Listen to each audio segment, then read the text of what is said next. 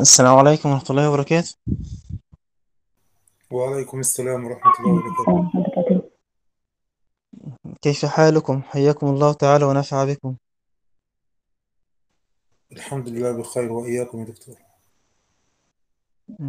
إن الحمد لله تعالى نحمده ونستعينه ونستهديه ونستغفره ونعوذ بالله من شرور أنفسنا ومن سيئات أعمالنا. من يهده الله فلا مضل له ومن يضلل فلا هادي له وأشهد أن لا إله إلا الله وحده لا شريك له وأشهد أن محمدا عبده ورسوله.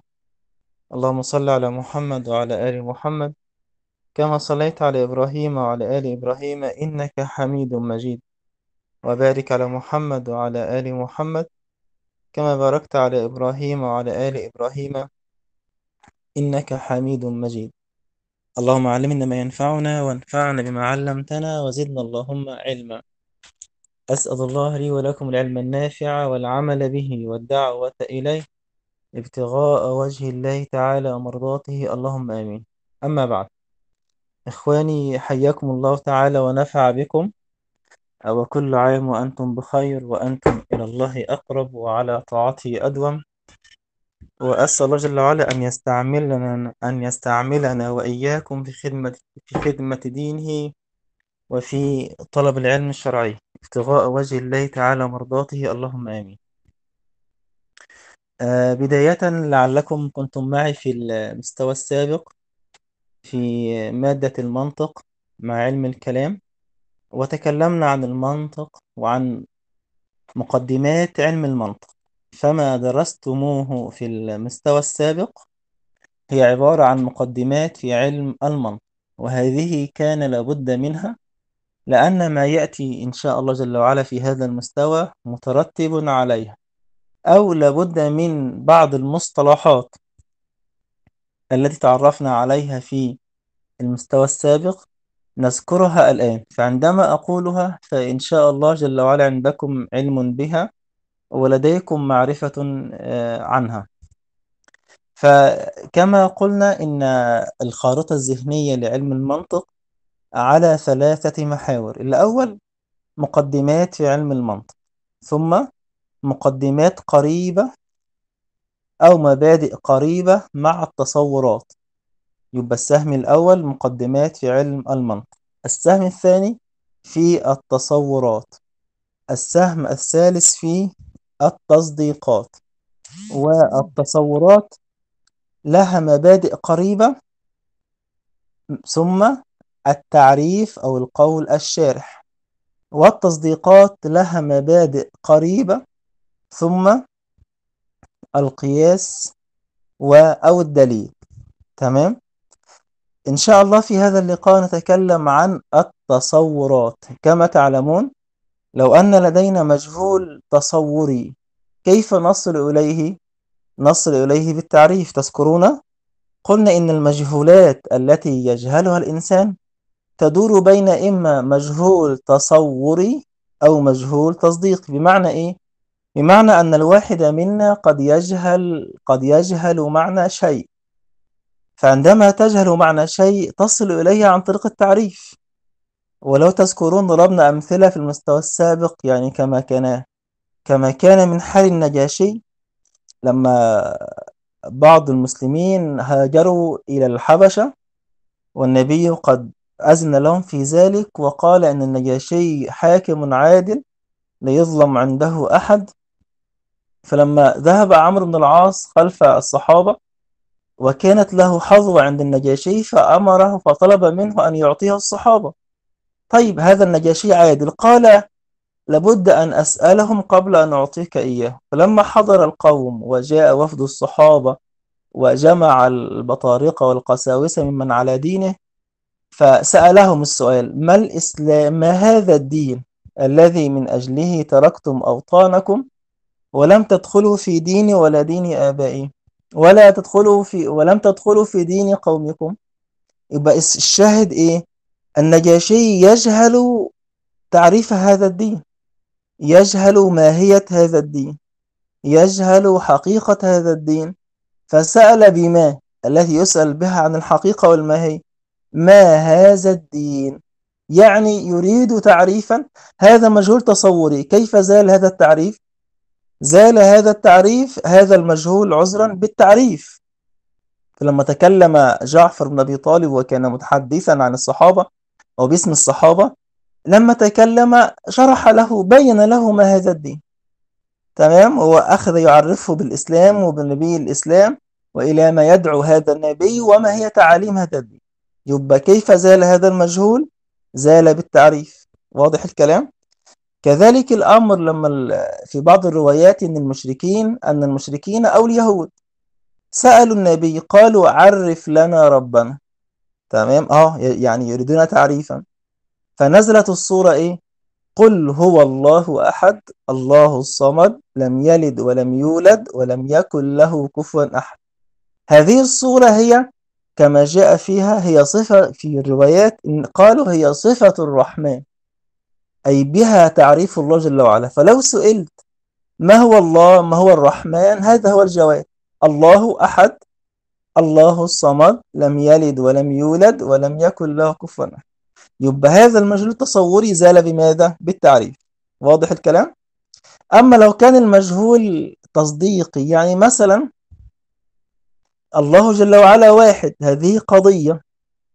إذا كان هناك من يجهلها يبقى هذا بالنسبة إليه مجهول تصديقي. فهو يحتاج أن يزال هذا المجهول. كيف كيف يزال؟ وكيف الوصول إلى معرفة هذا المجهول بالدليل؟ يبقى الله واحد تعطيه الدليل على أن على وحدانية الله. إذا الدليل هو الموصل إلى المجهول التصديقي. واضح الكلام؟ كذلك الأمر الروح. يعني مثلا الروح. يعني أنا أجهلها أو الكثير يجهل الكل يجهلها. ما الروح؟ تمام؟ هل الروح موجودة أم غير موجودة؟ قضية. هناك البعض يقول أنا لم أرى روحا فعندي الإنسان مادة فقط جسم مادي فقط.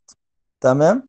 ولكن عندما تقيم له الدليل على وجود الروح لكي تبين له أن عدم رؤيتك أو عدم إدراكك لها بالحواس لا يدل على عدم وجودها.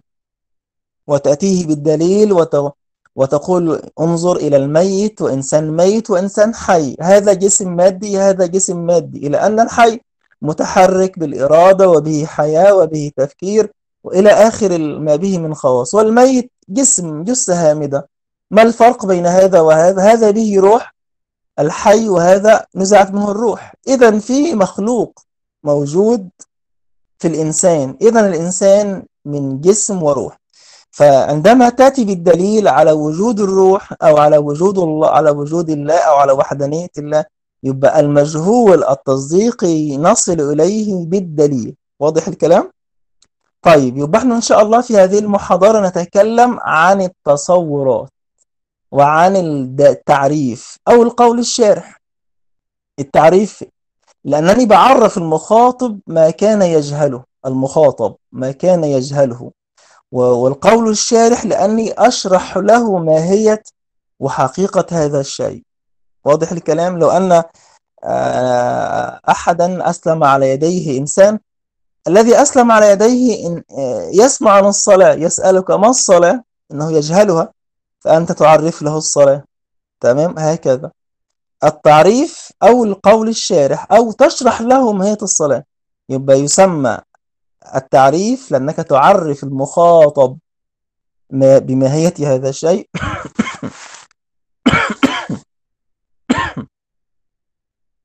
عذرا. أو تجه أو تشرح له الحقيقة والماهية لهذا الشيء فيسمى بالقول الشارح. تمام؟ طيب القول الشارح أو التعريف يبقى ده اللب الأول هو لب التصورات وهذا هو لب أو المقصد الرئيسي الأول من علم المنطق.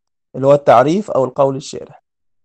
ولكن هناك تمهيد لابد منه تمهيد ومقدمة قريبة ومبادئ قريبة لابد منها قبل التصورات وهي الكليات الخمس. معايا؟ الكليات الخمس. دي يعني شيء لابد منها أي إنسان يريد أن يعرف شيء لابد أن ي... تعريفا صحيحا سليما لابد أن يكون على دراية بالكليات الخمس. تمام؟ لأنك عندما تعرف الشيء لابد أن تعرف هذا الشيء يندرج تحت أي جنس. يعني إيه بالظبط يعني معايا؟ زي المنطق مثلا. يعني أنا لو أنا قابلت أحدا لم يعرف شيء عن المنطق فقلت له المنطق مهم ومفيد. طب ما المنطق؟ عندما أقول له علم آه ذكرت له أنه من جنس العلوم. إنه من جنس المعقولات ومن جنس العلوم. ثم بدأت أبين له أنه يعلمك ضوابط التعريف والدليل أو يعصم ذهنك عن الخطأ في الفكر. آه يبقى أنا عرفت إن ذكرت لي الشيء اللي بيميز هذا العلم عن باقي العلوم. كذلك الأمر لما لما عندما يسألك أحد عن الصلاة غير مسلم إيه الصلاة؟ ما هذه الصلاة؟ تقول له عبادة. آه جنس. يعني هي من جنس العبادات. ثم تذكر له ما الذي يميز هذه الصلاة عن غيرها. يبقى أنا عشان أكون عندي ملكة وقدرة على التعريف السليم لابد أن أدرس الكليات الخمس. معايا؟ واضح الكلام؟ واضح الكلام إلى هنا؟ واضح. تمام. لو في أي سؤال أو استفسار أنا أسمعكم. فهذه الكليات الخمس بداية كليات تمام؟ جمع لفظ كلي. فكلمة كلي لو تذكرون في المستوى السابق درسنا الكلي والجزئي. وقلنا أن الجزئي هو ما لا يصدق إلا على نفس أو ذات واحدة. وقلنا التعريف المنطقي أن الجزئي هو ما يمنع ما يمنع تصوره من وقوع الشركة فيه. يعني عندما أتصور هذا الجزئي تمام يمنع العقل والذهن من وقوع الشركة في هذا اللفظ في هذا اللفظ الجزئي. زي قلنا مثال محمد. عندما أقول محمد وأنا أقصد واحدا منكم أو واحدا بعينه تمام فمحمد هذا أنا قلت النبي محمد صلى الله عليه وسلم. هو جزئي لفظ جزئي. هل يعقل أن هناك ذاتا أخرى أو أن هناك شيئا آخر يشارك النبي في هذا ال في, في, في هذا ال اللقب نبي الخاتم؟ لا مفيش تمام؟ يبقى ده جزئي. زي نهر النيل. قلنا نهر النيل هذا نهر واحد الذي بمصر أو نهر الفرات الذي في العراق. يبقى هذا جزئي. ليه؟ لأنه لا يصدق إلا على ذات إيه؟ واحدة ويمنع نفس تصوره من وقوع الشركة فيه ده الجزئي تمام؟ أما كلامنا في الكلي الكلي هو المفهوم الذي عكس الجزئي بقى؟ هو المفهوم الذي لا يمنع نفس تصوره من وقوع الشركة فيه. بعبارة أيسر هو الذي يمكن صدقه على أفراد كثيرة. مطلقا. يبقى عندما أقول لفظ كلي لفظ لو هذا اللفظ صدق على على أفراد كثيرين تمام؟ فهذا يكون إيه؟ كلي. عندما أقول كلمة حيوان هذه كلي لفظ كلي. ليه؟ لأنه يصدق على إنسان وعلى فرس وعلى هدهد وعلى أسد وعلى جمل هكذا. فيصح أن أقول الإنسان حيوان ويصح أن أقول الهدهد حيوان. فهذا لفظ كلي. واضح؟ طيب عندما أقول أقول كلمة إنسان كلي أم جزئي؟ لا كلي ليه؟ لأنه يمكن صدقه على أفراد كثيرين. يبقى إنسان يصدق على محمد وعلي وزينب وفاطمة وهند وسعاد وهكذا. تمام؟ واضح الكلام؟ يبقى هذا لفظ إيه؟ لفظ كلي. عندما أقول لفظ مثلا إيه؟ سائل. طب سائل؟ لا كلي. ليه يصدق على كثيرين السوائل كثيرة يعني الماء سائل تمام؟ اللبن سائل الأشربة بأنواعها المختلفة سوائل وهكذا. يبقى ده يبقى ده لفظ كلي تمام؟ يبقى هذه الكل هذا الكلي الذي يمكن صدقه على أفراد كثيرين متفقين في الحقيقة أم مختلفين؟ متفقين زي إنسان. عندما أقول إنسان يصدق على محمد وعلي وزيد وزينب وفاطمة. طب زيد ومحمد وعلي وزينب وفاطمة كل هؤلاء متفقون في الحقيقة في الإنسانية. آه يبقى الماهية واحدة يبقى وإنسان يبقى لفظ كلي صدق على أفراد كثيرة متفقة في الحقيقة. هناك مختلف آه زي حيوان. ما كلمة حيوان ده لفظ كلي يصدق على أفراد كثيرين ولكنهم مختلفين. يعني الهدهد والإنسان والفرس والغزال آه كلهم بينهم الحيوانية مشتركة. ولكن ماهية الهدهد غير الإنسان غير الغزال غير الفرس وهكذا. تمام؟ كذلك كلمة عبادة. ده كلي. ليه؟ تصدق على عبادة الصلاة الزكاة الصوم الحج. عبادة. عبادة الذكر. آه يبقى كثيرة. تمام؟ كذلك أما وكذلك الصلاة. هذا كلي يصدق على صلاة الصبح صلاة الظهر العصر المغرب الوتر. هذه كلها ألفاظ كلية. واضح الكلام؟ طيب. هيبقى إحنا كده استذكرنا معنى لفظ الكلي تمام؟ آه في بتلك المقدمة ندخل إلى الموضوع. هذا الكلي عندما نظروا فيه وجدوا إما أن يدخل في ماهية وحقيقة ما تحته من أفراد وإما أن لا يدخل. تمام؟ يعني بمعنى إيه؟ يعني تلك الأفراد لا حقيقة وماهية تمام؟ والشيء المقوم اللي داخل في التركيب والتكوين نفسه. تمام؟ هل هذا اللفظ عندما أقوله هل يدخل في حقيقة هذا الشيء أو ما تحته من أفراد أم لا يدخل؟ إن كان يدخل في حقيقة وماهية هذا الشيء يبقى يسمى ذاتي. ليه؟ داخل في الذات. في ذات هذا الشيء وفي ماهيته. وإما لا يدخل فيسمى عرضي.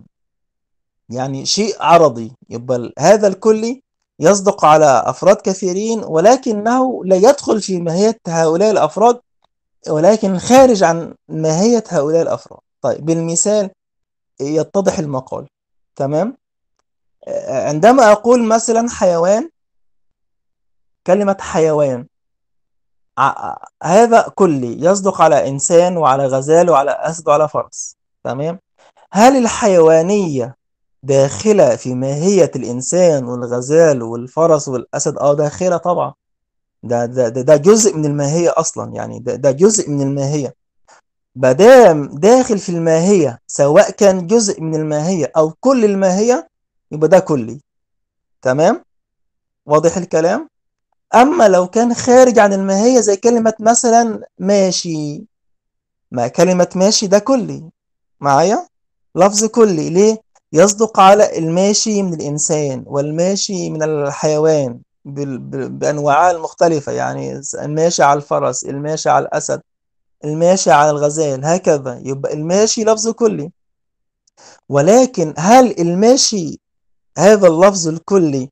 هل دخل في ماهية وحقيقة وذات الغزال والفرس والإنسان؟ لا ما دخلش في الماهية. تمام؟ ده شيء عارض. يعني هذا لفظ كلي. فأنا حتى عندما أتعقل إنسان أو حيوان ما بيجيش في ذهني المشي. يأتي في ذهني أول شيء الحيوانية أنه حيوان بمعنى إيه؟ كائن حي. واضح الكلام؟ يبقى عرفنا الآن أن الكل ينقسم إلى ذاتي وعرضي وأن الذاتي هو الذي يكون داخلا في ماهية ما تحته من أفراد. تمام؟ بخلاف العرض يكون خارجا عن ماهية ما تحته من أفراد. واضح الكلام؟ الذاتي ينقسم إلى أقسام والعرضي ينقسم إلى أقسام. الذاتي اتفقنا أنه يدخل في الماهية. طيب إن كان في الماهية لو كان إما أن يشمل تمام الماهية أو أي أنه يدل على حقيقة مستقلة وعلى تمام الماهية يسمى نوعا تمام؟ يعني مثلا كلمة إنسان. هذا لفظ كلي واضح؟ يصدق على من؟ على محمد وعلي وزينب وفاطمة تمام؟ طيب محمد وعلي وزينب وفاطمة هؤلاء كلهم أفراد. ماهيتهم واحدة وهي الإنسانية. يبقى كلمة إنسان تساوي تمام الماهية. تمام؟ لأنها تساوي تمام ماهية ما تحته من أفراد. فعندما أسمع لو سألت عن قلت ما علي ما محمد ما زينب ما فاطمة فقلت إنسان لأن ما كما يأتي معنا بعد قياس البعض الماهية والحقيقة. فما محمد فقلنا الجواب إنسان أن ماهيته إنسان. فتمام الماهية يسمى نوعا. تمام؟ أما لو كان جزء من الماهية يسمى هذا الجزء وكان داخلا في ذات ال... وكان داخلا في ذات الشيء تمام؟ هذا الجزء إن كان جزءا عاما يعني جزءا عاما يسمى جنس زي إيه؟ حيوان. فعندما مثلا أعرف الإنسان وقلت الإنسان حيوان حيوان ناطق تمام؟ فكلمة حيوان ده جزء من الماهية أم كل الماهية؟ لا جزء من الماهية. هو كائن حي كائن حي ماله ناطق. طب هذا الجزء من الماهية جزء أعم ولا جزء يعني أعم يعني إيه؟ أي أن فيه هذا الجزء ويشترك فيه غيره من باقي الحيوانات. آه في طبعا يبقى حيوان هذا جزء أعم لأنه يطلق على الإنسان وعلى الغزال والفرس ويشترك مع الإنسان في هذا الجزء بقية الحيوانات. يبقى هذا يسمى إيه؟ يسمى جنس. تمام؟ هذا لو كان جزءا أعم أو جزءا عاما. أما لو كان جزءا أخص يعني خاص به مختص به دون غيره يسمى فصل. معايا؟ فصل. ليه سمي فصل؟ لأنه يفصل هذا النوع عن بقية الأنواع. فعندما أقول الإنسان حيوان ناطق فحيوان كائن حي به حياة. تمام؟ ده جزء أعم جزء من الماهية الأعم ليه يشترك فيها معه غيره. يعني الحيوان يشترك مع الإنسان كما قلت الفرس والغزال والأسد. ولكن عندما أقول ناطق لا أنا فصلت الإنسان عن باقي الحيوانات بأني عرفته بأنه ناطق واتفقنا بأن ناطق المراد بها هنا أي به قوة عاقلة مفكرة. يعني الإنسان مفكر. هل هناك حيوان مفكر غير الإنسان؟ لا مفيش لأن الإنسان الله عز وجل أعطاه ملكات وأعطاه العقل. الذي من خلاله يرتب المعلومات التي أمامه يصل بها إلى مجهولات. هذا هو التفكير. ترتيب أمور معلومة يصل بها إلى أمور مجهولة. تمام؟ هل هناك حيوان غير الإنسان؟ وأنا أعني حيوان أعزكم الله. لا أعني. في فرق بين كلمة البهيمة البهيمة الأنعام اللي هي المذكورة على البهائم كالبقر والماعز وهكذا. أما حيوان أعني بها كائن حي. فلا يظنن أحد أننا ننقص من شأن الإنسان. لا الإنسان لقد كرمنا بني آدم فنعني بحيوان أي به حياة كائن حي. تمام؟ وكلمة ناطق أي أنه به قوة عاقلة مفكرة يدرك بها الأمور الكلية والمعقولات. هذا الجزء خاص بالإنسان أم أم عام؟ لا خاص بالإنسان. ليه؟ ليس هناك أحد من الحيوانات يشارك في هذا الأمر بهذا يسمى فصل؟ واضح الكلام؟ يبقى إذا الكلي الذاتي ينقسم إلى جنس وفصل ونوع. الجنس هو جزء الماهية الأعم الذي يشترك معه غيره تمام؟ الفصل لأنه هو جزء الماهية الأخص أو الذي يختص به ما تحته من أفراد وسمي فصلا لأنه يفصل هذا النوع عن عن بقية الأنواع تمام؟ يعني مثلا مثال زي لو قلت الصلاة تمام؟ طب الصلاة هذه عندما أقول عبادة كلمة عبادة جنس. ليه جنس؟ ليه؟ لأن العبادة تطلق على هي داخل في الماهية الصلاة هي من ماهيتها إنها عبادة صحيح؟ ولكن العبادة ديت هذه الكلمة تطلق على غير الصلاة من الزكاة والصوم. أي يبقى هذا جزء ماهية أعم يشترك معه غيره. تمام؟ يبقى, يبقى هذه عبادة. تمام؟ جنس. عندما أقول ذات أقوال وأفعال مفتتحة بالتكبير مختتمة بالتسليم هل هناك عبادة من العبادات الإسلامية التي فيها هذا الشيء؟ اللي هو أقوال وأفعال يعني أقوال زي الفاتحة والتسبيح وأفعال زي الركوع والسجود. تمام؟ هل في كده؟ وكمان هل تبدأ بالتكبير الله أكبر وتختم بالتسليم السلام عليكم؟ هل هناك عبادة؟ لا. يبقى هذا الجزء يسمى فصلا. ليه؟ لأنني به فصلت الصلاة وميزتها عن باقي العبادات. واضح؟ تمام؟ واضح الكلام. يبقى عبادة جنس ذات أقوال وأفعال مفتتحة بالتكبير مختلف التسليم هذا فصل. كلمة الصلاة نوع. ليه؟ يعني الصلاة هي تدل على تمام الماهية ما تحته من أفراد يعني ماهية الظهر والعصر والمغرب والعشاء إيه؟ صلاة تمام؟ آه يشمل تمام الماهية تمام؟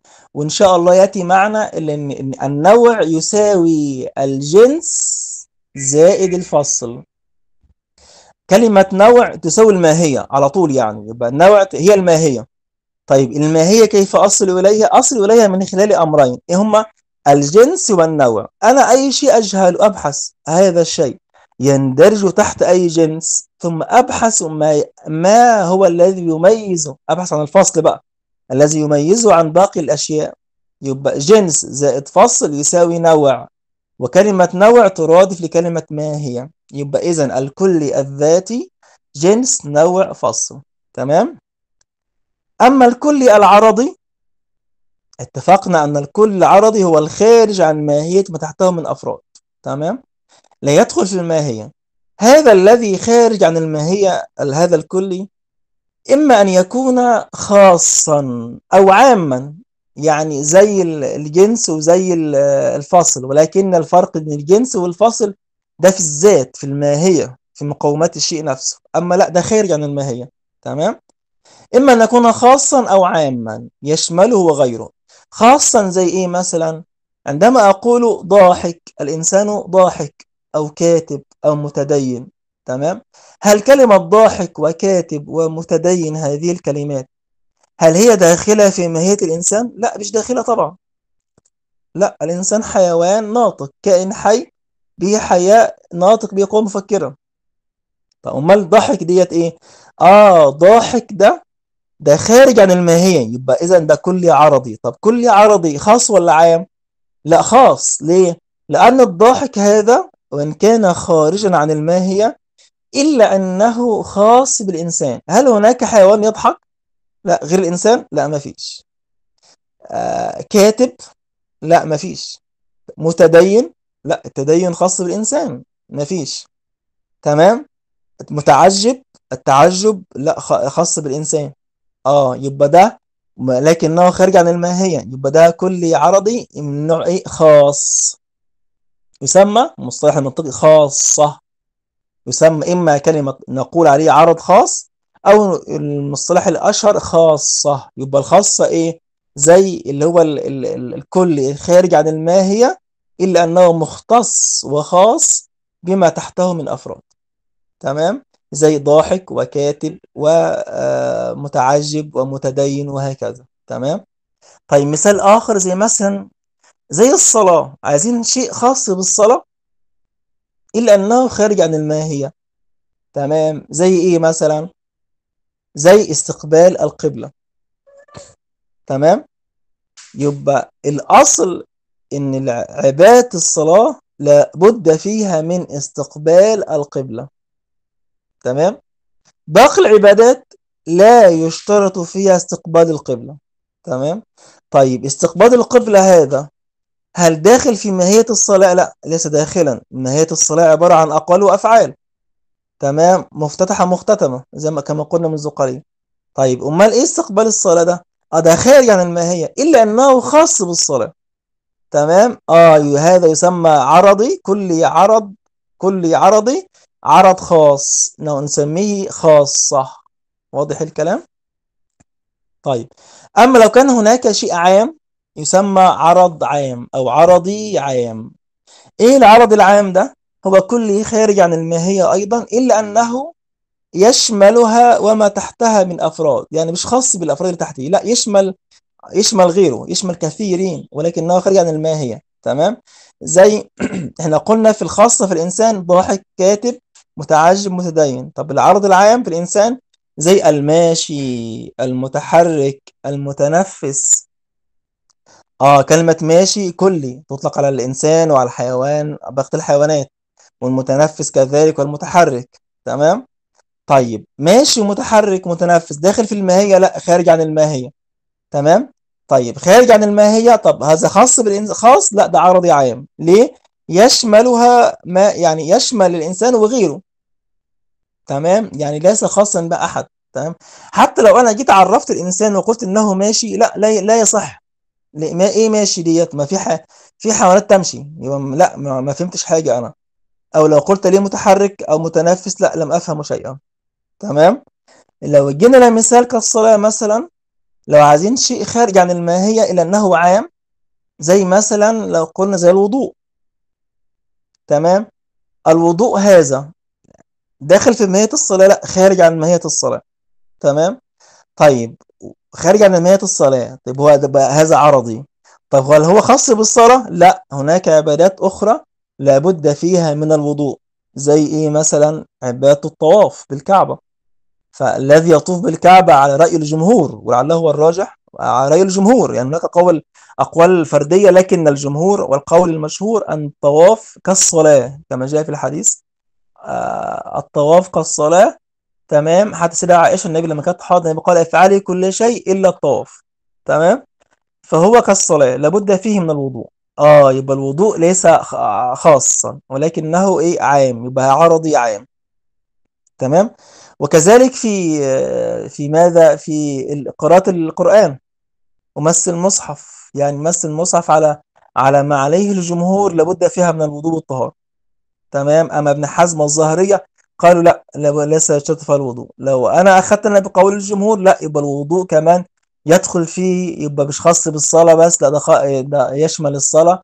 يش- لابد فيه عند في الصلاة ولابد فيه في في الطواف بالبيت الحرام وأيضا عند قراءة القرآن عند مس الايه عند مس المصحف.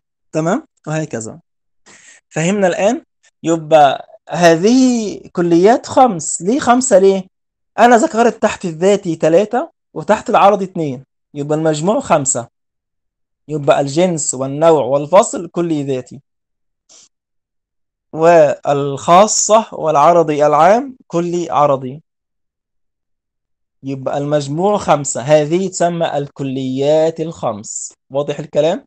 وهذا هو مدار ال- الكلام عن هذه الكليات الخمس. كده عرفنا الآن ليه هم خمسة؟ تمام؟ وهم خمسة ما تقسيم لأننا أي كلي عندما أقسمه إلى جزيئاته إما أن يكون هو تمام الماهية يبقى هو الماهية بعينها يبقى ده النوع. أو يكون جزء من الماهية. لو كان جزء من الماهية تمام؟ لو كان جزءا من الماهية وكان آه، داخلا يبقى ده حياة ده جنس. وإن كان جزء من الماء أو يكون خارج عن الماهية يبقى كان جزء من الماهية وعام يبقى ده جنس. لو جزء من الماهية وخاص يبقى ده فصل. تمام؟ أما لو كان خارجا عن الماهية تمام؟ إما أن يكون عاما أو خاصا. لو كان عاما عرضي عام. لو كان خاصا يبقى خاصة. تمام؟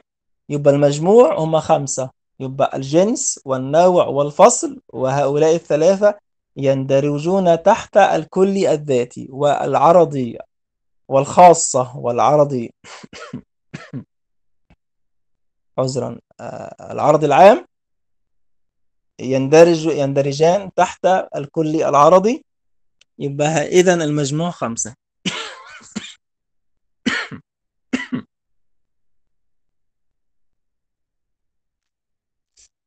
هذه الكليات الخمس تمام؟ وكما قلنا هذه مهمة جدا لابد منها من معرفتها حتى أصوغ آه، تعريفا سليما. لذلك كل كتب المنطق قبل أن ين... قبل أن ندخل في مبحث التعريف لابد أن يسبق بمبحث الكليات الخمسة أو تمهيد الكليات الإيه؟ الخمس تمام؟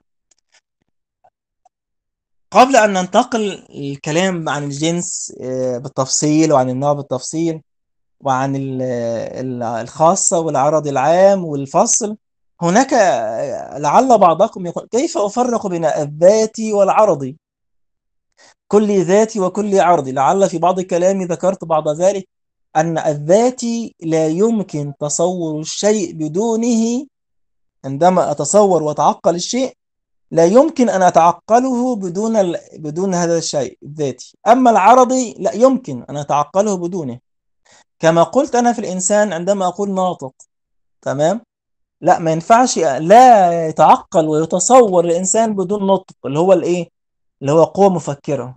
عندما أنا أتصور الإنسان يأتي هذا في بالي في ذهني. أما العرضي لا يأتي لا يتص... لا يمكن أتصور الشيء بدونه. يعني عندما أذكر الماشي أو الضاحك ما الماشي عرضي عام والضاحك عرض خاص أو خاصة. تمام؟ لا أنا لا يتصور يمكن يمكن وهذا هو ال... هو الواقع أن أنا أتصور الإنسان بدون أن يأتي في ذهن أنه ض- في ذهني أنه ضاحك أو أو ماشي. تمام؟ الأمر الثاني أن الذاتي لذلك لذلك أو أو ده يندرج تحت الأول أن الذاتي أسبق إلى الذهن من العرضي الذاتي أسبق إلى الذهن من العرضي عندما تذكر الشيء يأتي إليك الذاتي أولا على طول كده وأسبق إلى الذهن العرضي. عندما تذكر إنسان يأتي في ذهنك أنه كائن حي به قوة مفكرة تمام؟ بخلاف المشي والضحك.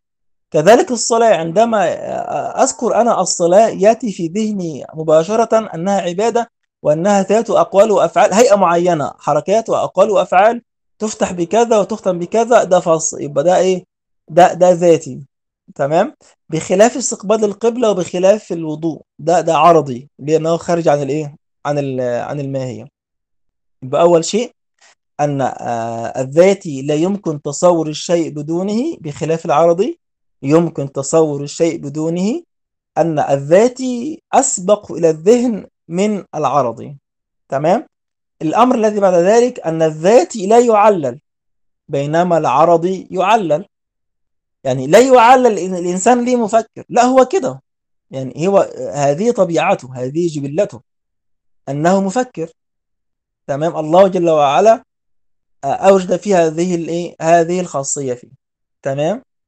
كذلك الصلاة. يعني أقوال وأفعال تفتح بالتكبير تختم بالتسليم.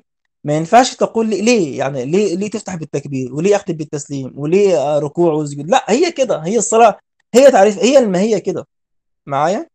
كذلك واضح الكلام بينما العرض يعلل يعني عندما أقول ضاحك طب الإنسان يضحك ليه؟ آه يضحك لأنه عندما يرى شيئا مثلا يدهشه أو يثير فيه الضحك طب ليه بيتعجب الإنسان؟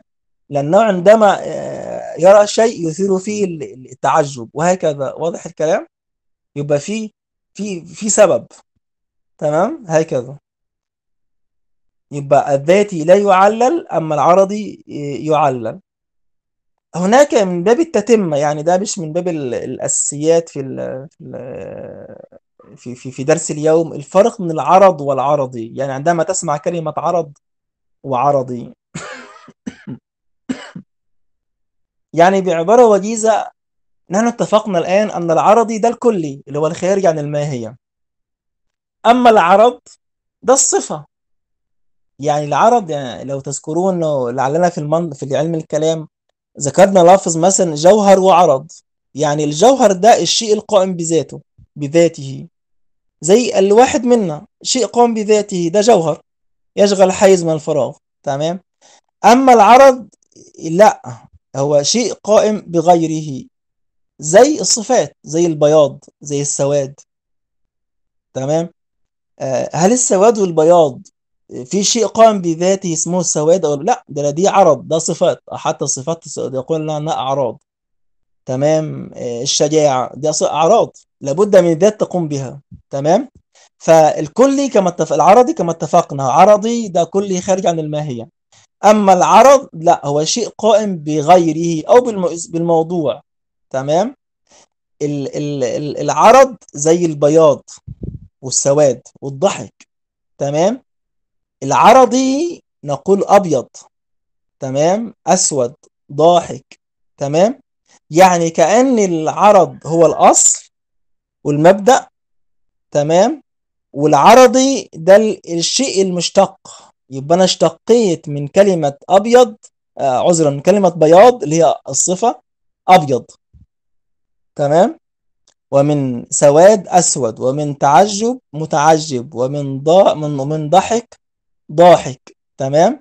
يبقى العرض ده الأصل هي الصفة. أنا بق- بشتق منها العرضي تمام؟ وهكذا. وده شيء من باب التتمة. ال- البياء ال- العرض لا يصح أن يكون محمولا. تذكرون الموضوع المحمول؟ أشرنا إليه عندما أقول مثلا محمد قائم محمد موضوع وقائم محمول تمام؟ آه، يصح أن أقول محمد أبيض ولا يصح أن أقول محمد بياض. يبقى أبيض ده ده عرضي. تمام؟ أما بياض ده عرض صفة. تمام؟ لا يصح أن أقول محمد بياض. لا ما ينفعش أخليها محمول. أمال إيه أقول ماذا أجيب العرضي اللي هو الكلي بقى العرضي. أقول محمد أبيض. محمد آه، ضاحك وهكذا. تمام؟ لذلك الكليات الخمسة من برضه من الفائدة بتاعتها إنها تأتي محمولات. في القضايا وكما تعالى كما قلنا أو أذكركم بأن القضية مقد من مبادئ علم التصديق من التصديقات أو المبادئ القريبة للتصديقات. فلابد قبل أن تدرس الدليل لابد أن تدرس القضية والقضية عبارة عن عن إيه؟ موضوع ومحمول. فالكليات الخمس تأتي في محمولات في القضايا. نقول مثلا محمد إنسان محمد أبيض محمد ضاحك وهكذا إلى غير ذلك. تمام من الكليات الإيه؟ الخمسة. آه، وأيضا قبل أن ننتقل إلى الجنس والكلام عن أقسام الجنس ثم أقسام النوع ثم النوع ثم أقسام الفصل هناك في علم المنطق هناك فرق يعني كل كما علمتم أن لكل علم أهميته يعني آه، مصطلحاته وألفاظه تمام؟ وما يعنى ويهتم به عن غيره من العلوم. يعني في علم النحو أدوات الاستفهام كثيرة. يعني يقول لك متى يسأل بها عن الزمان؟ وأين عن المكان؟ وكيف عن الحال؟ تمام؟ وهكذا تمام؟ في علم المنطق الذي يعنى ويهتم من من بين هذه الأدوات هناك أداتان فقط اللي هي إيه؟ اللي هما إيه؟ ما وأي. ما لأنها يسأل بها عن حقيقة الشيء وماهية الشيء. وأي لأنه يستفهم بها ويسأل بها عن الشيء المميز في هذا الشيء. يعني أي شيء يميزه؟ واضح الكلام؟ يبقى هما ما وأي. حتى تلاحظون إيه؟ ما وأي. عندما أقول ما يعني ما الإنسان؟ تمام؟ أسعى عن ماهية الإنسان. ما الإنسان؟ تمام؟ يبقى ما. طب ما محمد؟ يقال إنسان. تمام؟ ما الإنسان؟ يقال حيوان ناطق. تمام؟ هكذا. طب ما الإنسان والفرس والأسد تقول هؤلاء كلهم حيوانات حيوان تمام؟ يبقى أنا ما بتفيدني في إيه؟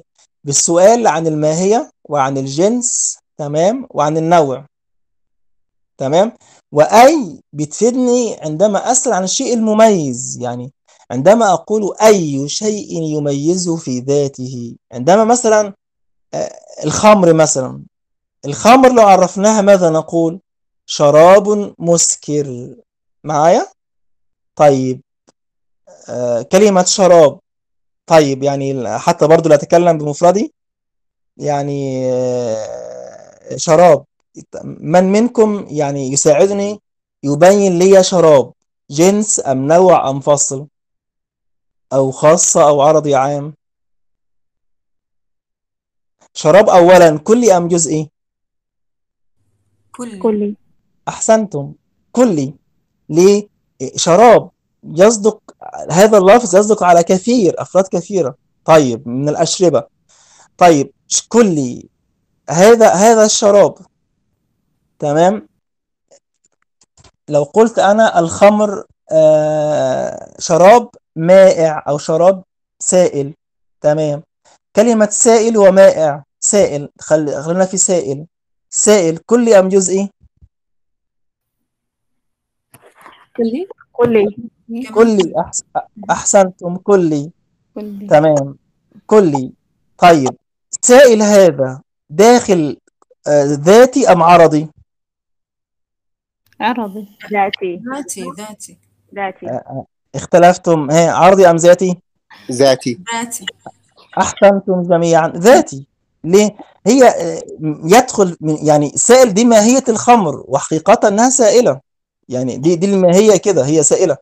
تمام؟ يبقى هذا سائل. طيب كلمة سائل تطلق على الخمر فقط أم يشترك فيها معها غيرها من باقي السوائل؟ يشترك معها غيرهم أحسنت. يبقى إذا الس- السائل هذا جنس أم نوع أم فصل؟ جنس جنس. جنس. تمام. أنه جزء الماهية الأعم.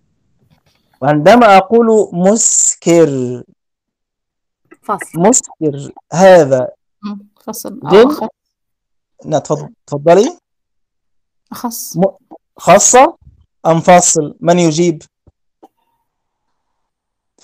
أذكركم الخاصة ده مميز عرضي. يعني الخ... الشيء الخاص بال آه، فصل.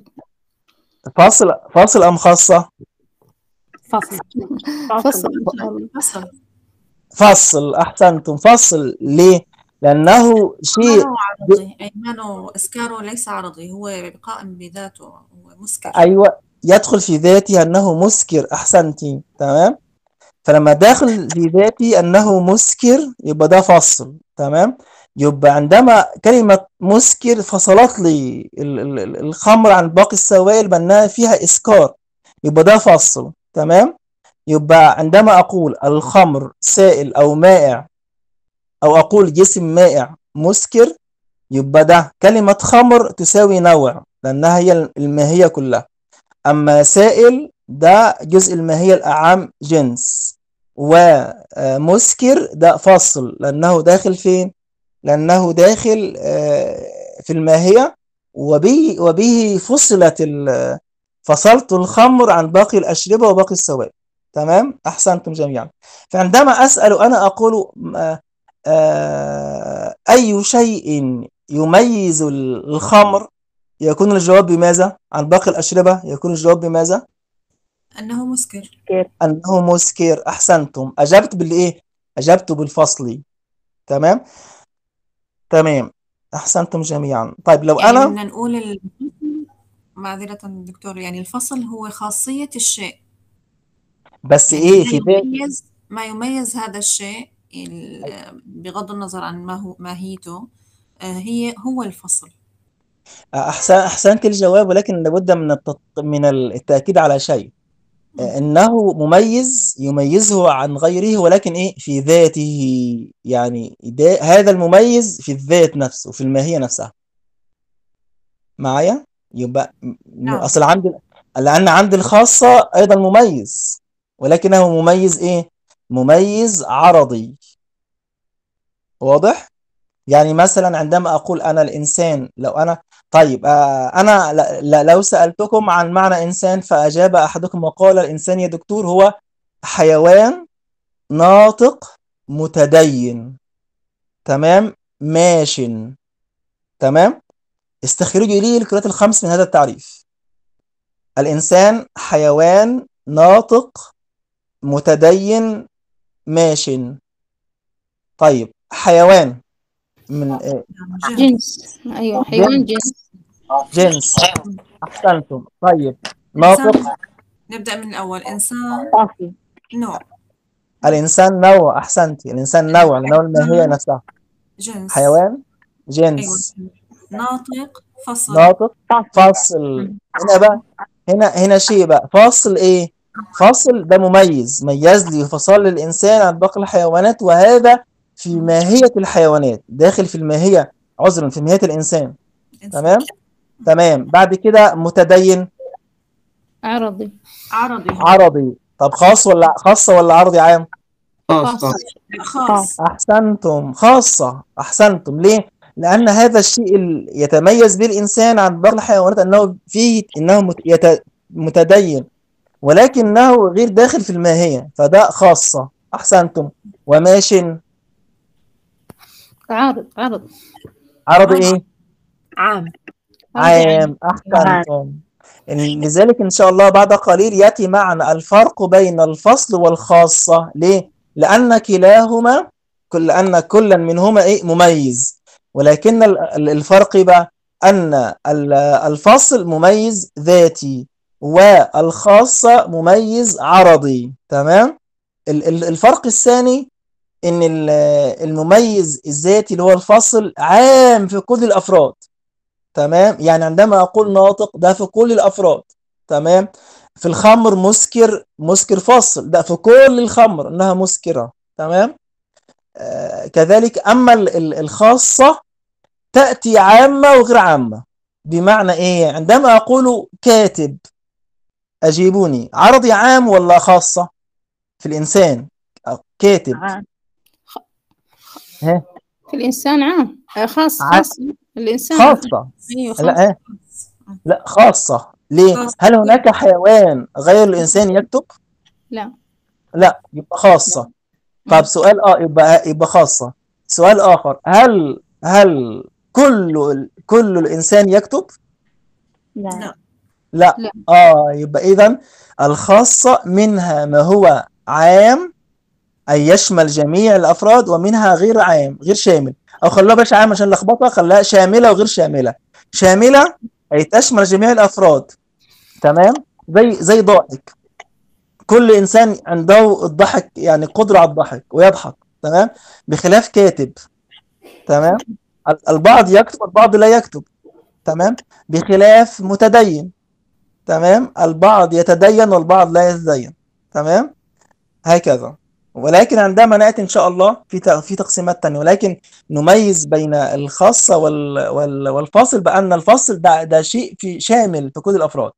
أما ال- ده الفاصل. أما الخاصة لا يأتي قد لا يكون يعني يأتي شاملة وغير شاملة. يعني قد يشمل ما تحته جميع ما تحته وقد لا يشمل. زي الضحك في الإنسان يشمل جميع الأفراد وزي الكاتب يشمل البعض ولا يشمل الجميع. ولكنها خاصة لأنها خاصة بالإيه؟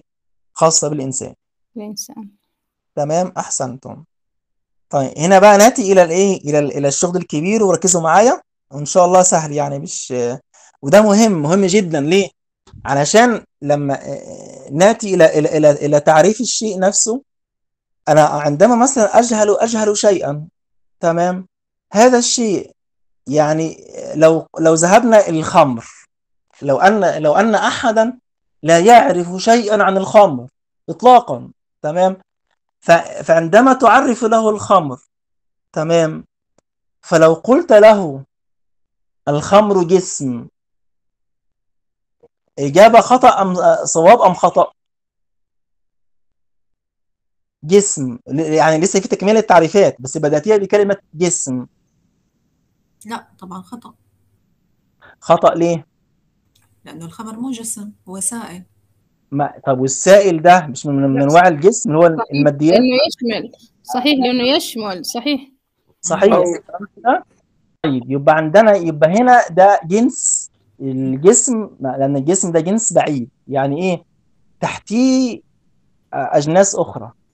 طيب طب ن- نأتي نأتي من الرأس. طب ركزوا معايا.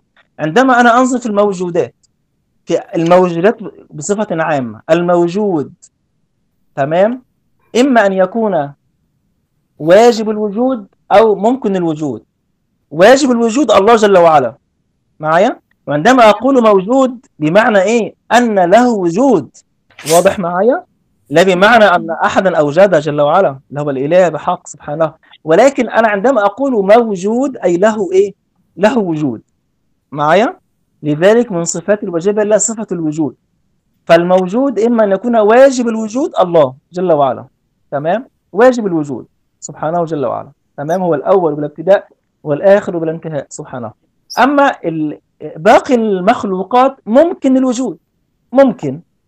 يعني هي كانت عدما أصلا ثم وجدت ثم تعدم. فوجودها شيء ممكن مش واجب. طيب هذا الممكن هذه المخلوقات عندما أنظر فيها إما أن تكون كل يعني يعني عندما أنظر فيها في الجملة إما أن تكون جواهر أو أعراض. كما قلت منذ قليل جوهر يعني شيء قام بذاته. زي الواحد منا أو ال- أو الجبل أو ال- أو النهر أو أي شيء يعني شيء قام بذاته هذا يسمى جوهر. أما الأعراض ده شيء قائمة بغيرها زي الصفات من بياض وسواد وشجاعة وما إلى ذلك. دعك من الأعراض. نحن في المو... في الموجودات التي لها آه، شيء قام بذاته الجوهر. هذا الجوهر إما أن يكون مادي أو غير مادي. يعني إيه مادي؟ له حيز مادي. تمام؟ أو غير مادي. المادي كذواتنا. طب غير المادي من يأتي إلى بمثال لغير المادي؟ يعني شيء موجود جوهر موجود لكنه غير مادي؟ الروح يا دكتور. أحسنت الجواب الروح. لذلك بعض ال- المتكلمين والعلماء المسلمين عندما يبدأون بتعريفه يقولون جوهر لطيف. ليه جوهر؟ لأنه شيء قام بذاته. بدليل إيه؟ الله النبي صلى الله عليه وسلم أخبرنا أن الإنسان عندما يكون في المنام الروح تذهب وتجيء يعني الواحد منا عند في المنام يرى أن روحه تلاقت مع فلان أو بل تلاقت مع فلان الذي مات. وذهبت إلى هنا وإلى هنا فتذهب وتجيء. وأيضا النبي صلى الله عليه وسلم علمنا في عند قبض الروح أن الروح تقبض وتصعد إلى السماء ثم تنزل إلى القبر. تمام؟ فهذا يدل إنها إيه؟ إنها جوهر. ولكنها إيه؟ غير مادي. يبقى الجوهر ينقسم إلى تفريعتين تفريع مادي أو غير مادي. خلاص؟ غير مادي كالروح أحسنت. ال- المادي تمام؟ ينقسم إلى إيه؟ ال- الغير مادي ده زي الجسم بقى إما يكون صلب ال- الأجسام. يعني ينقسم الماد هذا المادي. إما ينقسم إلى جسم مطلق وجسم نامي. يعني إيه؟ الأجسام التي أنا جسم تمام؟ والجبل جسم. ولكن أنا جسم نامي يعني أنمو. أما الجبل لا لا ينمو. الله عز وجل خلقه على هذه الحالة أو التل أو الهضبة؟ أو النهر. يبقى ده إيه؟ يبقى ده جسم مطلق. أما أنا جسم مادي آه عذرا جسم نامي. والحياة وال... والنبات جسم نامي. النبات ينمو. معايا؟ يبقى ال- المادي ينقسم إلى جسم مطلق وجسم نامي. تمام؟ الجسم النامي ينقسم إلى ماذا إيه؟ إلى حيوان وإلى نبات. حيوان ونبات. الحيوان ينمو والنبات إيه؟ ينمو. تمام؟ الحيوان طبعا متحرك بالإرادة وحساس فتحته إيه؟ تحته أنواع من إنسان وغزال وفرس وما إلى ذلك. تمام؟ والإنسان تحته أفراد زي محمد وعلي وفاطمة وزينب. ما قلته الآن يسمى بسلسلة الموجودات. تمام؟ يبقى أول أول حاجة خالص جوهر. ثم مادي وغير مادي جسم مادي وغير مادي. تمام؟ ثم المادي هذا إلى جسم مطلق وجسم نامي. والجسم النامي هذا إلى حيوان وإلى نبات. تمام؟ والحيوان تحته أنواع. تمام؟ من كإنسان وفرس وغزال وما إلى ذلك. والإنسان تحته أفراد محمد وعلي وهكذا. تمام؟ فأنا عندما أقول مثلا عندما أقول محمد ما محمد؟ فقلت جوهر. آه. جوهر هذا قلت جوهر. طيب ما محمد؟ قلت حيوان. قلت قلت حيوان. تمام؟ حيوان هذا ما الفرق بين حيوان وجوهر؟ أن جوهر جنس بعيد يعني بعيد أو جنس عالي أعلى جنس. يعني أنا كإنسان أندرج تحت جوهر وكذلك أندرج تحت حيوان ولكن حيوان أقرب إلي. فيسمى جنس إيه؟ قريب. وجوهر أبعد وليس بعده جوهر آخر يسمى جنس بعيد أو جنس عالي. فما بين جوهر وحيوان هناك كجسم مطلق وجسم نامي وجسم غير نامي. آه الجسم والجسم النامي ده بين الجوهر وبين الحيوان نقول إيه؟ آه أجناس متوسطة. جنس متوسط. المتوسط بين القريب وبين الإيه؟ وبين البعيد. معايا الكلام كده؟ طيب ما قلته الآن لكي أصل بكم إلى ال- الجنس. تمام؟ إحنا قلنا إن الجن الاقسام الجنس وأقسام النوع إن شاء الله باتي بعد قليل. قلنا إن الجنس هو الجزء الماهي الأعم والتعريف المنطقي هو كل مقول على كثيرين مختلفين بالحقيقة. مختلفين بالإيه؟ بالحقيقة زي حيوان ده جنس واللي تحتيه كله مختلفين تمام؟ في جواب ما هو؟ ما. تمام؟ عندما أقول ما ما الإنسان تقول حيوان طب ما الإنسان تقول جوهر؟ تمام؟ ما الفرق بين هذا وهذا؟ أن أقسام الجنس إلى جنس بعيد وإلى جنس قريب وإلى جنس متوسط. الجنس البعيد هو جنس الأجناس هو ما لا جنس فوقه وتحته أجناس. كلمة جوهر هل فوقها شيء؟ ليس فوقها شيء من الموجودات. ما قلته الأول ده للفهم يعني اللي هو وجه الوجود ممكن الوجود لا ولكن عندما أتكلم في المنطق لا يعني الله جل وعلا ليس كمثله شيء فيخرج يخرج من الإيه؟ من هذه التقسيم. تمام؟ يبقى جوهر ده جنس بعيد ويسمى جنس عالي. تمام؟ أو جنس عال. ويسمى جنس الأجناس. ليه؟ ليس فوقه جنس وتحته أجناس. زي الجسم النامي والحيوان. دي تحت الإيه؟ الجوهر. الجنس القريب. تمام؟ ما لا جنس تحته. وتحته وفوقه أجناس. يعني كلمة حيوان بالنسبة للإنسان جنس قريب. لا تمام؟ الحيوان تحته أنواع. يعني الهدهد والغزال والإنسان والفرد دول دول أنواع. وما فوق الحيوان أجناس. تمام؟ من الجسم النامي والجوهر. والجنس المتوسط ما بين الجنسين ما بين هذا و وهذا. تمام؟ طيب آتي مثال أساعدوني في في بيان الجنس القريب والجنس البعيد. تمام؟ لو قلت لكم كلمة عندما أنا أعرف الذهب وأقول تمام آه، الذهب جسم آه، معدن. تمام؟ جسم بالنسبة لمعدن جنس إيه؟ مطلق. تمام. يعني جنس يعني بعيد تمام؟ يعني أبعد شوية. طيب ومع ومع ومعدن؟ قريب. قريب لأنه أول شيء فوق ال- الذهب تمام؟ ما الأجسام المطلقة كتيرة تمام؟ يعني عندما أقول جسم يعني يعني عندما أقول ال ال على على على المعدن هناك هناك أشياء من الأجسام غير معادن تمام؟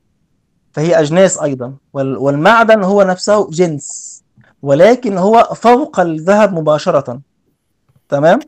فوقه مباشرة فيسمى جنس إيه؟ جنس قريب. أحسنتم تمام؟ طيب يبقى هكذا. يبقى نحن عرفنا أن الجنس ينقسم إلى جنس بعيد وجنس قريب وجنس متوسط تمام؟ وده مهم جدا. ليه بقى؟ لأن أنا إن شاء الله عز وجل عندما آه، أريد أن أعرف شيئا أبحث عن أو عن الجنس الذي ينتمي إليه سواء سواء كان بعيدا أو قريبا. معايا؟ ده أول شيء. يبقى أول خطوة في التعريف إن شاء الله كما يأتي معنا أبحث عن جنسه الذي ينتمي إليه سواء كان قريبا أم بعيدا. معايا؟ وهكذا. تمام؟ ناتي إلى النوع. تمام؟ النوع كما قلنا كذا كلمة إنسان بالنسبة لما تحتمل الأفراد هذا نوع. والنوع هو تمام الماهية. ده التعريف اللي هو بعبارة موجزة. أما في التعريف المنطقي هو كل مقول على كثيرين متفقين بالحقيقة. يعني يختلف عن الجنس. هناك مختلفين. لا. هنا متفقين بالحقيقة في جواب ما هو.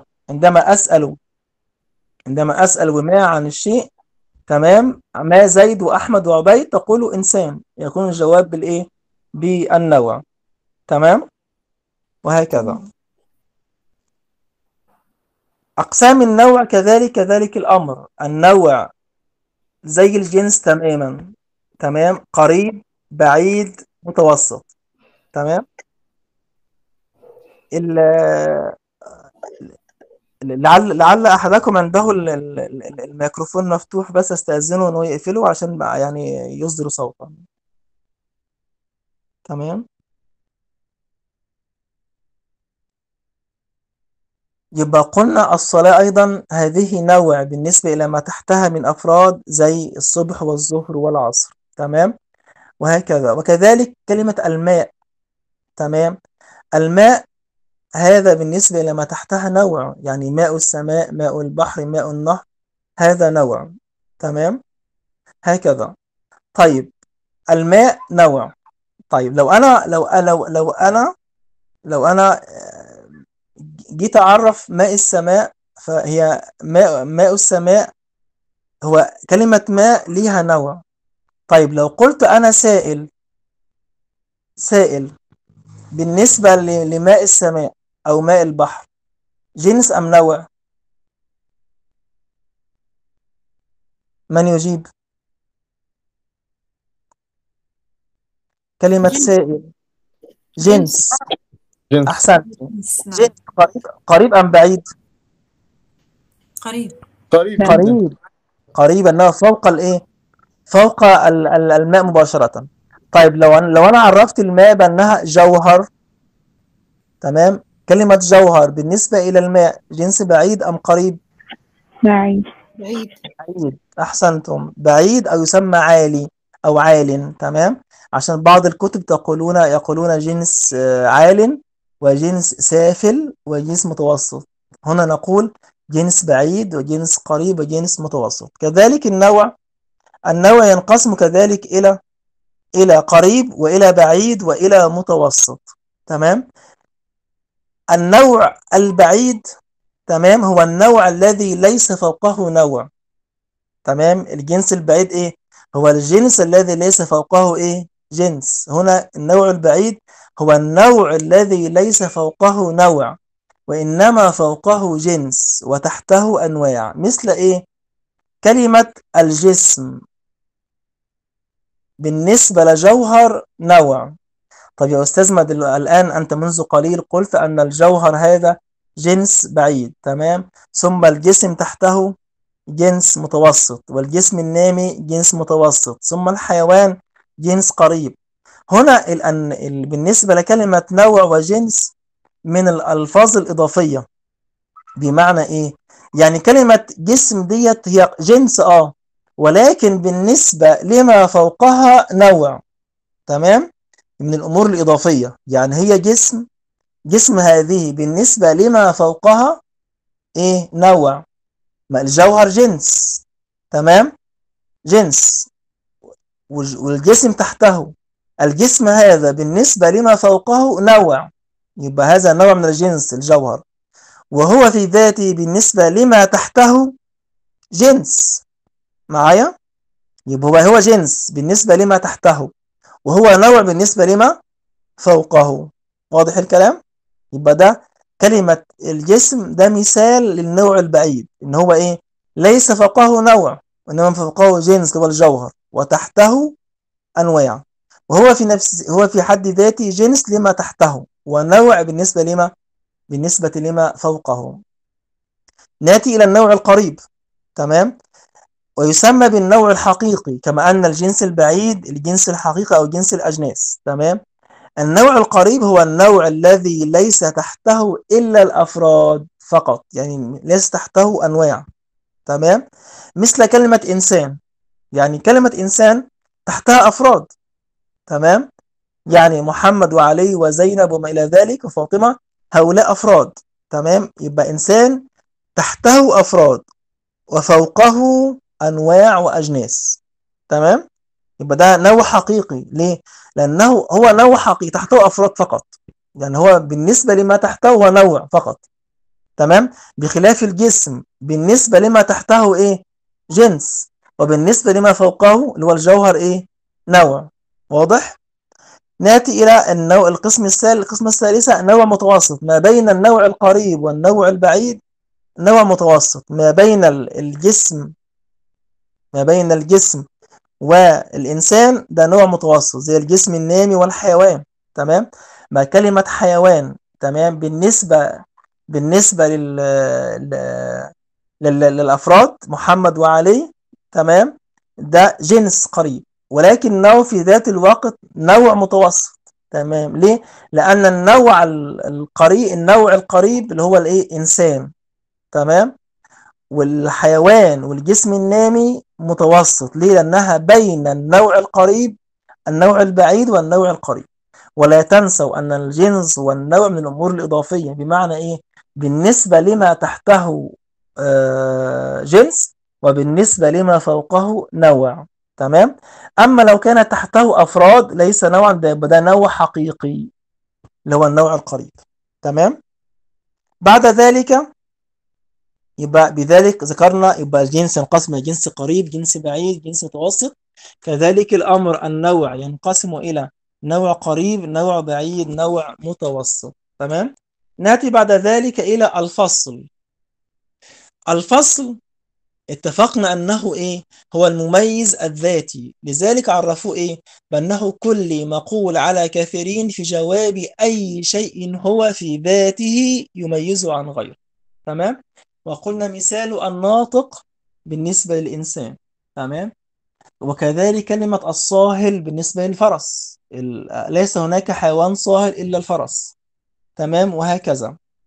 الفصل ينقسم إلى قريب وبعيد فقط تمام؟ إلى فصل قريب وإلى فصل بعيد ليس هناك فصل متواصل. ليه بقى؟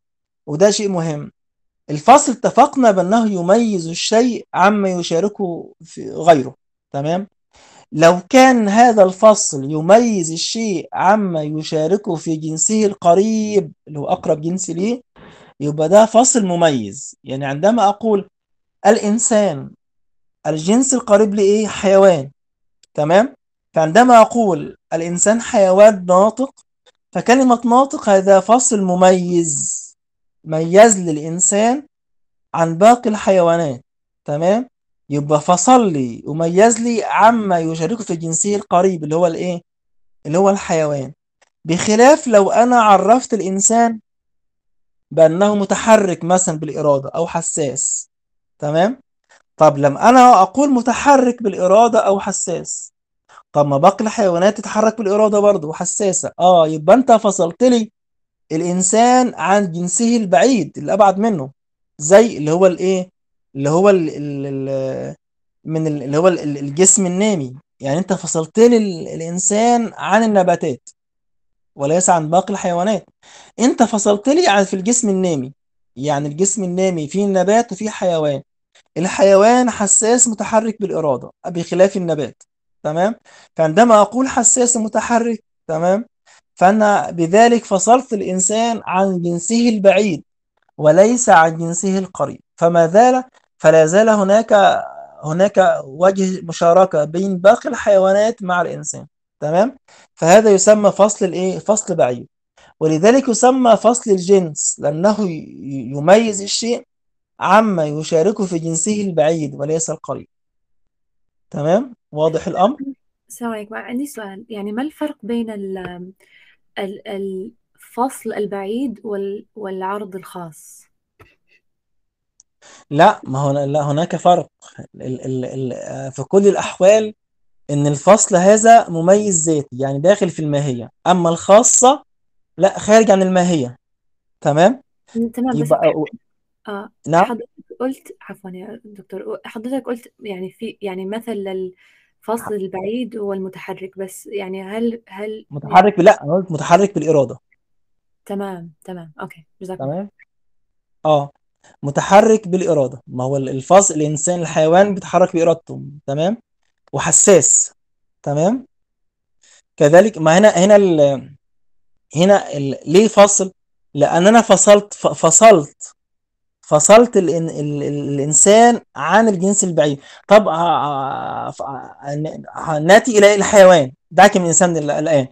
لو لو قلت لكم عر- نعرف الإنسان الحيوان فقلنا الحيوان ده إيه؟ الحيوان هو هو ما يتحرك بالإرادة وحساس. تمام؟ أنا بذلك فصلت الحيوان عن ال عن الجسم عن النبات. تمام؟ ميزت. وكمان الح... الإحساس هذا والتحرك بالإرادة بالإرادة هذا داخل في ماهية الحيوان داخل في الماهية نفسها تمام؟ أما لو كان خارج عن الماهية يكون إيه؟ يكون آه خاصة وأيضا مميز ولكنه خارج عن خارج عن الماهية. يعني يمكننا أن نقول أن يعني كل التعريفات هذه حتكون باعتبار يعني باعتبار اللي إحنا م- من بنعرفه آه بالله ما هي هي هي في مسألة اعتبارية في الذهن موجودة. بمعنى إيه؟ لو أنا لو أنا بعرف الحيوان الإنسان بالنسبة للجسم النامي ده الاعتبار اللي في ذهني. تمام؟ يبقى أنا فصل وأنا إيه؟ بدور أبحث أبحث عن الشيء المميز ليه عن بقية الأجسام النامية اللي هي زي النباتات. تمام؟ وإن كانت في موجودة فيه ومع باقي الحيوانات. فأنا لما نظرت في الإنسان ونظرت في النبات إيه اللي مميز اللي بيناتهم؟ الحركة بالتحرك بالإرادة أو الإحساس. خلينا في الإحساس الآن. تمام؟ انه حساس. تمام؟ في إحساس. فالإحساس هذا في الإنسان. تمام؟ فصل الإنسان عن النبات. تمام؟ ده وليه سميته فصل بعيد. لأنه لم يفصل الإنسان عن الجنس القريب اللي هو باقي الحيوانات. ما باقي الحيوانات حساسة. لو أنا جيت بأي حيوان تمام؟ الآن وخسته بأي شيء. أو قطعت يده لأخذ يصيح وي... وما إلى ذلك ويصرخ تمام؟ معايا؟ هو هو الآن بالنسبة للبعيد هو فاصل ولكن الجنس البعيد. معايا؟ هنا في في أمر اعتباري. بخلاف النطق لا ده للجنس القريب. هم ليه ليه ليه, المناطق ذكر هذا التعريف؟ هذا هذا التقسيم. لأن البعض عندما يعرف الذي يشغله الجنس البعيد فلذلك يأتي بفصل بعيد. تمام؟ فلذلك المنطقي يكون إيه؟ يدري بقى. آه هذا تعريف سليم ولكنه فصل بعيد لأنه فصل لي ال- هذا ما ما أعرفه أنا عن الجنس البعيد ولكن لم يفصله عن الجنس القريب. واضح الكلام؟ وإي- وإياكم. فهنا آه، أمور اعتبارية لأننا ننساها تمام؟ لذلك ال- يسمى الفصل القريب بفصل النوع تمام؟ وده الأهم وده يعني هو ده ده الأدق. ليه؟ إنه يفصل لي النوع النوع عن باقي الأنواع. تمام؟ بخلاف الجن... الفصل البعيد يسمى بفصل الجنس لأنه فصل لي الجنس البعيد فقط. تمام؟ طيب وهناك تنبيه. عندما أقول جنس بعيد تمام دون ذكر التقسيمات بعيد وقريب ومتوسط البعض قد يا دكتور يختلط. يعني أنا عندما أقول الجسم النامي ده جسم متوسط لا أنا عندما أقول بعيد على الإطلاق كل ما خلا الجنس القريب هو بعيد. ولكن عندما أقسم آه، أذكر التقسيمات فعندما مثلا أقول مثلا إيه الجسم النامي بالن- بالنسبة للإنسان تمام جنس بعيد تمام أنا أقول هذا. فكلمة فصل فكلمة إحساس فصل فصلت لي الإنسان عن الجنس النامي عن الجسم النامي. ده ده فصل بعيد عن الجنس البعيد. تمام؟ ولا أعني الجنس البعيد خالص إطلاقا أو الجنس العالي أو الجنس الحقيقي. فالجنس البعيد عندما يطلق هو يراد به كل ما خلا أو ما عاد الجنس القريب. فكل ما بعد فهو بعيد. واضح الكلام؟ هكذا. فالفصل القريب هو يكون أقرب فصل إلى الشيء وهو لهذا يميزه تماما. تمام؟ بينما الفصل البعيد هنالك ما هو أقرب منه للشيء ولذا لا يميزه تماما تمام؟ أحسنتم يبقى آه، عرفنا الف... ال- نأتي إلى الخاصة وإلى العرض العام ولعل يكون في وقت متسع نأتي بأمثلة أكثر. ال... ال... ال... ال... يتضح به المقال أكثر بإذن الله عز وجل بالنسبة للخاصة كما ذكرنا ده مميز ذاتي يعني يميز الشيء وهذا يدخل في الماهية. تمام؟ آه عذرا ده الفصل أما الخاصة عذرا أعتذر إليكم. الخاصة هي مميز عرضي. تمام؟ هو يميز الماهية ولكنه خارج يميز الشيء ولكنه خارج عن الماهية. لذلك عرفوا الخاصة بإيه؟ كل مقول على كثيرين خارج عن الماهية. في جواب أي شيء هو في عرضه يميزه عن غيره. وأتينا بالمثال الضاحك والمتعجب والمتدين بالنسبة للإنسان فإن كلا منها يقال على كثيرين تمام؟ ولكنه ليس من إيه؟ ليس من الماهية ولا جزء من الماهية ولكنه خارج عن الماهية وفي ذات الوقت خاص خاص بهؤلاء الأفراد تمام؟ طيب ال- الخاصة هذه تنقسم إلى خاصة لازمة وخاصة مفارقة. خاصة لازمة وخاصة مفارقة. تمام؟ والمثال واحد يعني عندما أقول الضاحك والكاتب بالنسبة لإنسان إيه؟ خاصة. ليه؟ ليس هناك أحد يتصف بهذا الوصف غير الإنسان الضحك والك... وال- والكتابة. تمام؟ ولكن عندما أقول الإنسان ضاحك بالقوة غير ما تخالف قولي الإنسان ضاحك بالفعل. تمام؟ يعني عندما أقول أنا لو ضاحك بالفعل أنا الآن أضحك يعني أضحك فعلا تمام؟ يعني حصول الشيء بالفعل حاصل الف- الشيء تمام؟ بخلاف القوة. إيه بالقوة؟ أنا عندي استعداد للضحك عندما يوجد ما يثير عندي الضحك. أنا الآن ولا ولا وليكن هذا مثال فقط يعني مثال للتقريب. ولعلي الآن أشاهد يعني مشهدا مضحكا تمام؟ أنا الآن آه، فتحت التلفاز وأشاهد المشهد تمام؟ المشهد في أوله تمام؟ لما وصل إلى وق... إلى إلى وقت الطرفة أو وقت الموقف المضحك ضحكت تمام؟ يبقى قبل أن أضحك أنا ضاحك بالفعل القوة موجودة فيا تمام؟ وعندما ضحكت فأنا ضاحك بالقوة ضاحك آه عذرا عندما قبل أن أضحك ضاحك بالقوة. تمام؟ وعندما ضحكت لما سمعت ال- ال- الشيء المثير للضحك ضحكت بالفعل. تمام؟ يبقى ده ضحك بالإيه؟ بال... بالفعل. تمام؟ الضحك بالفعل ده مفارق. ليه مفارق؟ أنا أضحك لا أضحك دائما؟ يعني الآن أضحك بعد قليل لا أضحك. تمام؟ هكذا. آه، أما بالقوة هو ده ملازم ليا. ليه؟ هو عندي إمكانية حصول الشيء تمام على الدوام. يعني حتى آه، أحيانا يسمى يسمى دائم. يعني بعض الكتب سيكون دائم ومفارق تمام؟ خاصة دائمة وخاصة مفارقة إيه الخاصة الدائمة ديت؟ اللي هو الضاحك بالقوة. تمام؟ أما الضاحك بالفعل لا دي خاصة مفارقة لأن الإنسان لا يضحك دائما. كذلك عندما أقول أنا كاتب بالقوة. تمام؟ يبقى أنا ده دي دائمة. ليه؟ أنا عندي إمكانية وعندي صلاحية للكتابة في أي وقت. تمام؟ وعندما أمسك بقلمي وأكتب في الورقة يبقى أنا كاتب بالفعل. يبقى دي إيه؟ دي مفارقة. لأني بعد قليل أنتهي مما أكتب فيه وأجلس هنا كتابة تمام؟ يبقى ال- الدائمة والمفا واللازمة هي ما كان حاصلا بالقوة. تمام؟ والمفارقة ما كان حاصلا بالفعل. تمام؟ مثال آخر يقرب الأمر زي ال- الطائر الذي يطير بجناحيه. تمام؟ عندما أقول الطائر يطير بجناحيه بالقوة تمام؟ هو الآن لا يطير. تمام؟ ولكن عنده قوة بالقوة. يعني عنده صلاحية للطيران في وقت. بخلاف ما أقول يطير بالفعل. آه يبقى أنا الآن أشاهده وهو يحلق بجناحيه في السماء. أو في جو السماء تمام؟ يبقى الخاصة وتنقسم إلى وكذلك العرض العام تمام؟ العرض العام كذلك ينقسم إلى لازمة ومفارقة أو دائمة ومفارقة. يعني مثال ال- ال- العرض العام زي إيه؟ زي التنفس أو المشي. المشي ده عرض عام تمام؟ مش خاص بالإنسان مش خاص بيا مش خاص بالإنسان صفة يتصف بها غير الإنسان من الحيوانات تمام؟ عندما أقول الإنسان ماش بالقوة يبقى هذه ملازمة. أنا الآن جالس ولكن عندي صلاحية وعندي قوة للمشي. تمام؟ هذه ملازمة ودائمة في في الإنسان. تمام؟ بخلاف الإيه؟ الذي يمشي بالفعل هو ماش بالفعل. هذه مفارقة. أنه الآن ماش بالفعل وبعد قليل أو في أي وقت قد إيه؟ يجلس أو يقعد وما إلى ذلك.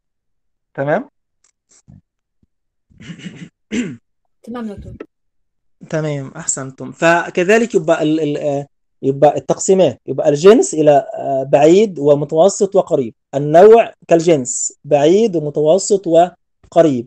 ال- ال- الفصل إلى فصل بعيد قريب وفصل بعيد أو فصل النوع النوع وفصل الجنس. الخاصة والعرض العام زي مثل بعض زي زي ما الجنس والنوع. الجنس والنوع ثلاثة آه قريب بعيد متوسط. الخاصة والعرض العام تمام إلى لازم ومفارق أو دائم ومفارق تمام؟ والدائم واللازم ما كان بالقوة تمام؟ والمفارق ما كان ما كان بالفعل. فاللازم هو ما لا ينفك عن الماهية بخلاف المفارق هو ما يقبل الانفكاك تمام؟ وهكذا طيب، واضح الكلام؟ طيب نكون بذلك يعني بقي لدينا سبع دقائق. نكون نكون بذلك قد انتهينا من من ال- الكليات الخمس ومن تقسيمات الكليات الخمس. ولعل الأمر يكون واضح إن شاء الله جل وعلا. وأنصحكم يعني ال- ال- المنطق يعني إن شاء الله يعني من المواد ال- اللي هي العقلية شوية. تمام؟ ف- فأوصيكم يعني تقرؤون ما قلته يعني يا ليت اليوم. بلاش يا ليت لأن الليت التمني المستحيل. يعني يعني آه، أطلب منكم أرجو أن- يعني لعلكم تقرؤونه ال- اليوم. ليه؟ بالكتير غدا. ليه؟ ال- لعل يكون في بعض الإيضاح ولكن مع بعد المسافة قد تنسى هذا الإيضاح. ف- فاقرأ مع ما سمعت تمام؟ حتى ال- ال- الأمر يثبت عندك ويكون فهم. فالمنطق يحتاج إلى فهم. أكثر من حفظ تمام؟ وإلى أعمال عقل وإلى أعمال ذهن. عشان بإذن الله جل وعلا في اللقاء القادم أنا مش هبين المصطلحات دي. مثلا عندما أقول لكم التعريفات التعريف التعريف يا إخواني ال- ال- ال- اللي بالحد دي مصطلح يأتي معنا إن شاء الله. ما تركب مثلا ال- بالحد التام ما تركب من جنس قريب وفصل قريب. طب دكتور إيه جنس قريب؟ لا أنت سمعته معايا المحاضرة اللي فاتت فمش هعيده تاني. طب فصل قريب؟ تمام؟ انت عرفته معايا معايا؟ فعشان كده الألفاظ دي المصطلحات احفظ اعرفوها واحفظوها. كذلك مثلا بالرسم التام لا الرسم التام من جنس قريب وخاصة لازمة وخاصة شاملة. آه إحنا عرفنا يعني إيه خاصة؟ ويعني إيه شاملة؟ يعني إيه لازمة؟ تمام؟ طيب لو كان التعريف بال... بال... بال... بالفصل القريب فقط ده ليه اسم لوحده؟ لو كان بالخاصة فقط اسم أو كان بالخاصة مع الجنس البعيد آه أو الفصل مع الجنس البعيد. عن- في اللقاء القادم أذكر مصطلحات أثناء الشرح تمام؟ فأوصيكم بأن يعني إيه آه، تذاكرونها حتى عندما أذكر اللفظ فالمصطلح فعرفتموه تمام؟ وخاصة أخلي معاك ال- المصطلحات القريبة ال- اليسيرة. يعني مثلا جنس هو جزء الماهية الأعم تمام؟ أو المشترك الذي يشترك معه غيره. تمام؟ ال- النوع هو تمام الماهية. ال- ال- ال- الفاصل هو جزء الماهية الأخص. تمام؟ آه، الخاصة ما كان خارجا عن الماهية إلا أنه خاصا بها. تمام؟ ولا شرك فيها أح- أحد غيره. ال- الع- العرض العام ما كان خارجا أيضا ولكنه يشاركه فيها غيره. تمام؟ لذلك إن شاء الله العرض العام لا يدخل معنا في التعريف الحقيقي. لا يدخل بمفرده تمام؟ لا يفيد أصلا. لو أنا لو سألتكم مثلا عن عن الضبع ما الضبع؟ تمام؟ أو ما استنجاب. فقال لي أحدكم أنه ماش. طب أنا استفدت إيه؟ متنفس. استفدت إيه؟ فالتنفس والمشي ده عرض عام لا يفيد أصلا. لا يفيد. حتى عندما أقول ما لا يسأل عنه بما لأنه لا يفيد. فعندما أقول ما فأنا أريد الإيه؟ الخاصة. لأنها تميز لي تميز لي هذا هذا الشيء. تمام؟ هكذا. وإن شاء الله وأيضا مهم عندما نتكلم عن طريقة اكتساب التعريف أقول لكم نبحث عن الجنس القريب أو البعيد. آه عرفنا يعني إيه بعيد ويعني إيه قريب. تمام؟ ثم بعد ذلك آه، آه، نبحث عن المميز سواء كان آه، عن الفصل مميز سواء كان فصلا أو خاصة. آه عرفنا يعني إيه فصل وعرفنا يعني يعني إيه خاصة. تمام؟ تمام. هل هل هناك أي سؤال أي استفسار؟ السلام عليكم ورحمة الله وبركاته هل يمكن أن تذكر تعريف الجوهر والأعراض مرة؟ نعم لا لا أسمع. ممكن إيه؟ تعريف تعريف للجوهر والأعراض. آه الجوهر هو ما كان قائما بذاته. تمام؟ أو هو الشيء القائم بذاته ويشغل حيزا من الفراغ. تمام؟ بخلاف العرض هو ما كان هو هو القائم بغيره. تمام؟ يبقى كالصفات. يبقى التعريف الفارق بينهم هو القائم بذاته هذا هو جوهر القائم بغيره هذا هو العرض مثال العرض كالصفات. تمام؟ أعراض كلها من بياض وسواد وشجاعة وجبن وبخل دي كلها لابد من ذات تقوم بها. تمام؟ بخلاف الجوهر. تمام؟ لا هو قائم بذاته. والجوهر كما قلنا قد يكون مادي وقد يكون غير مادي. فالمادي يشغل حيزا من الفراغ تمام؟ غير المادي قد لا يشغل لا يشغل حيزا من الفراغ كالروح تمام؟ إلا أنه قائم إيه؟ قائم بذاته. وأتينا بالمثال أنه يذهب ويجيء ويصعد وينزل ويخرج وما إلى ذلك تمام؟ هكذا. نعم تمام شكرا. شكرا جزيلا. أي أي سؤال آخر؟ تمام. طيب لا بارك آه، بخير اتفضل- اتفضلي. واضح واضح يا دكتور. طب تمام. بالتوفيق إن شاء الله جل وعلا. يا رب. آه، موفقين إن شاء الله ومسددين. وإن شاء الله يعني تابعوا معايا. فبإذن الله يعني نحاول آه، في اللقاءات القادمة سوف أكثر لكم من الأمثلة من الكتاب والسنة. تمام. حتى آه، حتى يتسنى لكم أن نطبق المنطق في علومنا الإسلامية. وحتى نعرف أن أن علماءنا من المتكلمين ومن المناطق الإسلاميين استخدموا هذا العلم في خدمة هذا الدين. تمام؟ فإن شاء الله آه، أصل بقي لدينا دقيقة واحدة فلا يتسنى فيها أن آتي لكم بمثال ولكن نحاول في اللقاء القادم إن لم يتسنى الأمر في اللقاء في معظم اللقاءات إن شاء الله نأتي بأمثلة قرآنية أو من السنة النبوية نبين فيها هذا الأمر وزاد وضوحا ولكن أوصيكم مرة أخرى أن تقرأوا هذا الجزء الكليات الخمس من المادة العلمية التي عندكم فأنا اليوم لم أخرج عن لم أخرج عنها تماما. فكل ما قلته فيها بفضل الله جل وعلا. فسبحانك اللهم ربنا وبحمدك أشهد أن لا إله إلا أنت أستغفرك وأتوب إليك والسلام عليكم ورحمة الله وبركاته. وعليكم السلام. وعليكم السلام ورحمة الله وبركاته.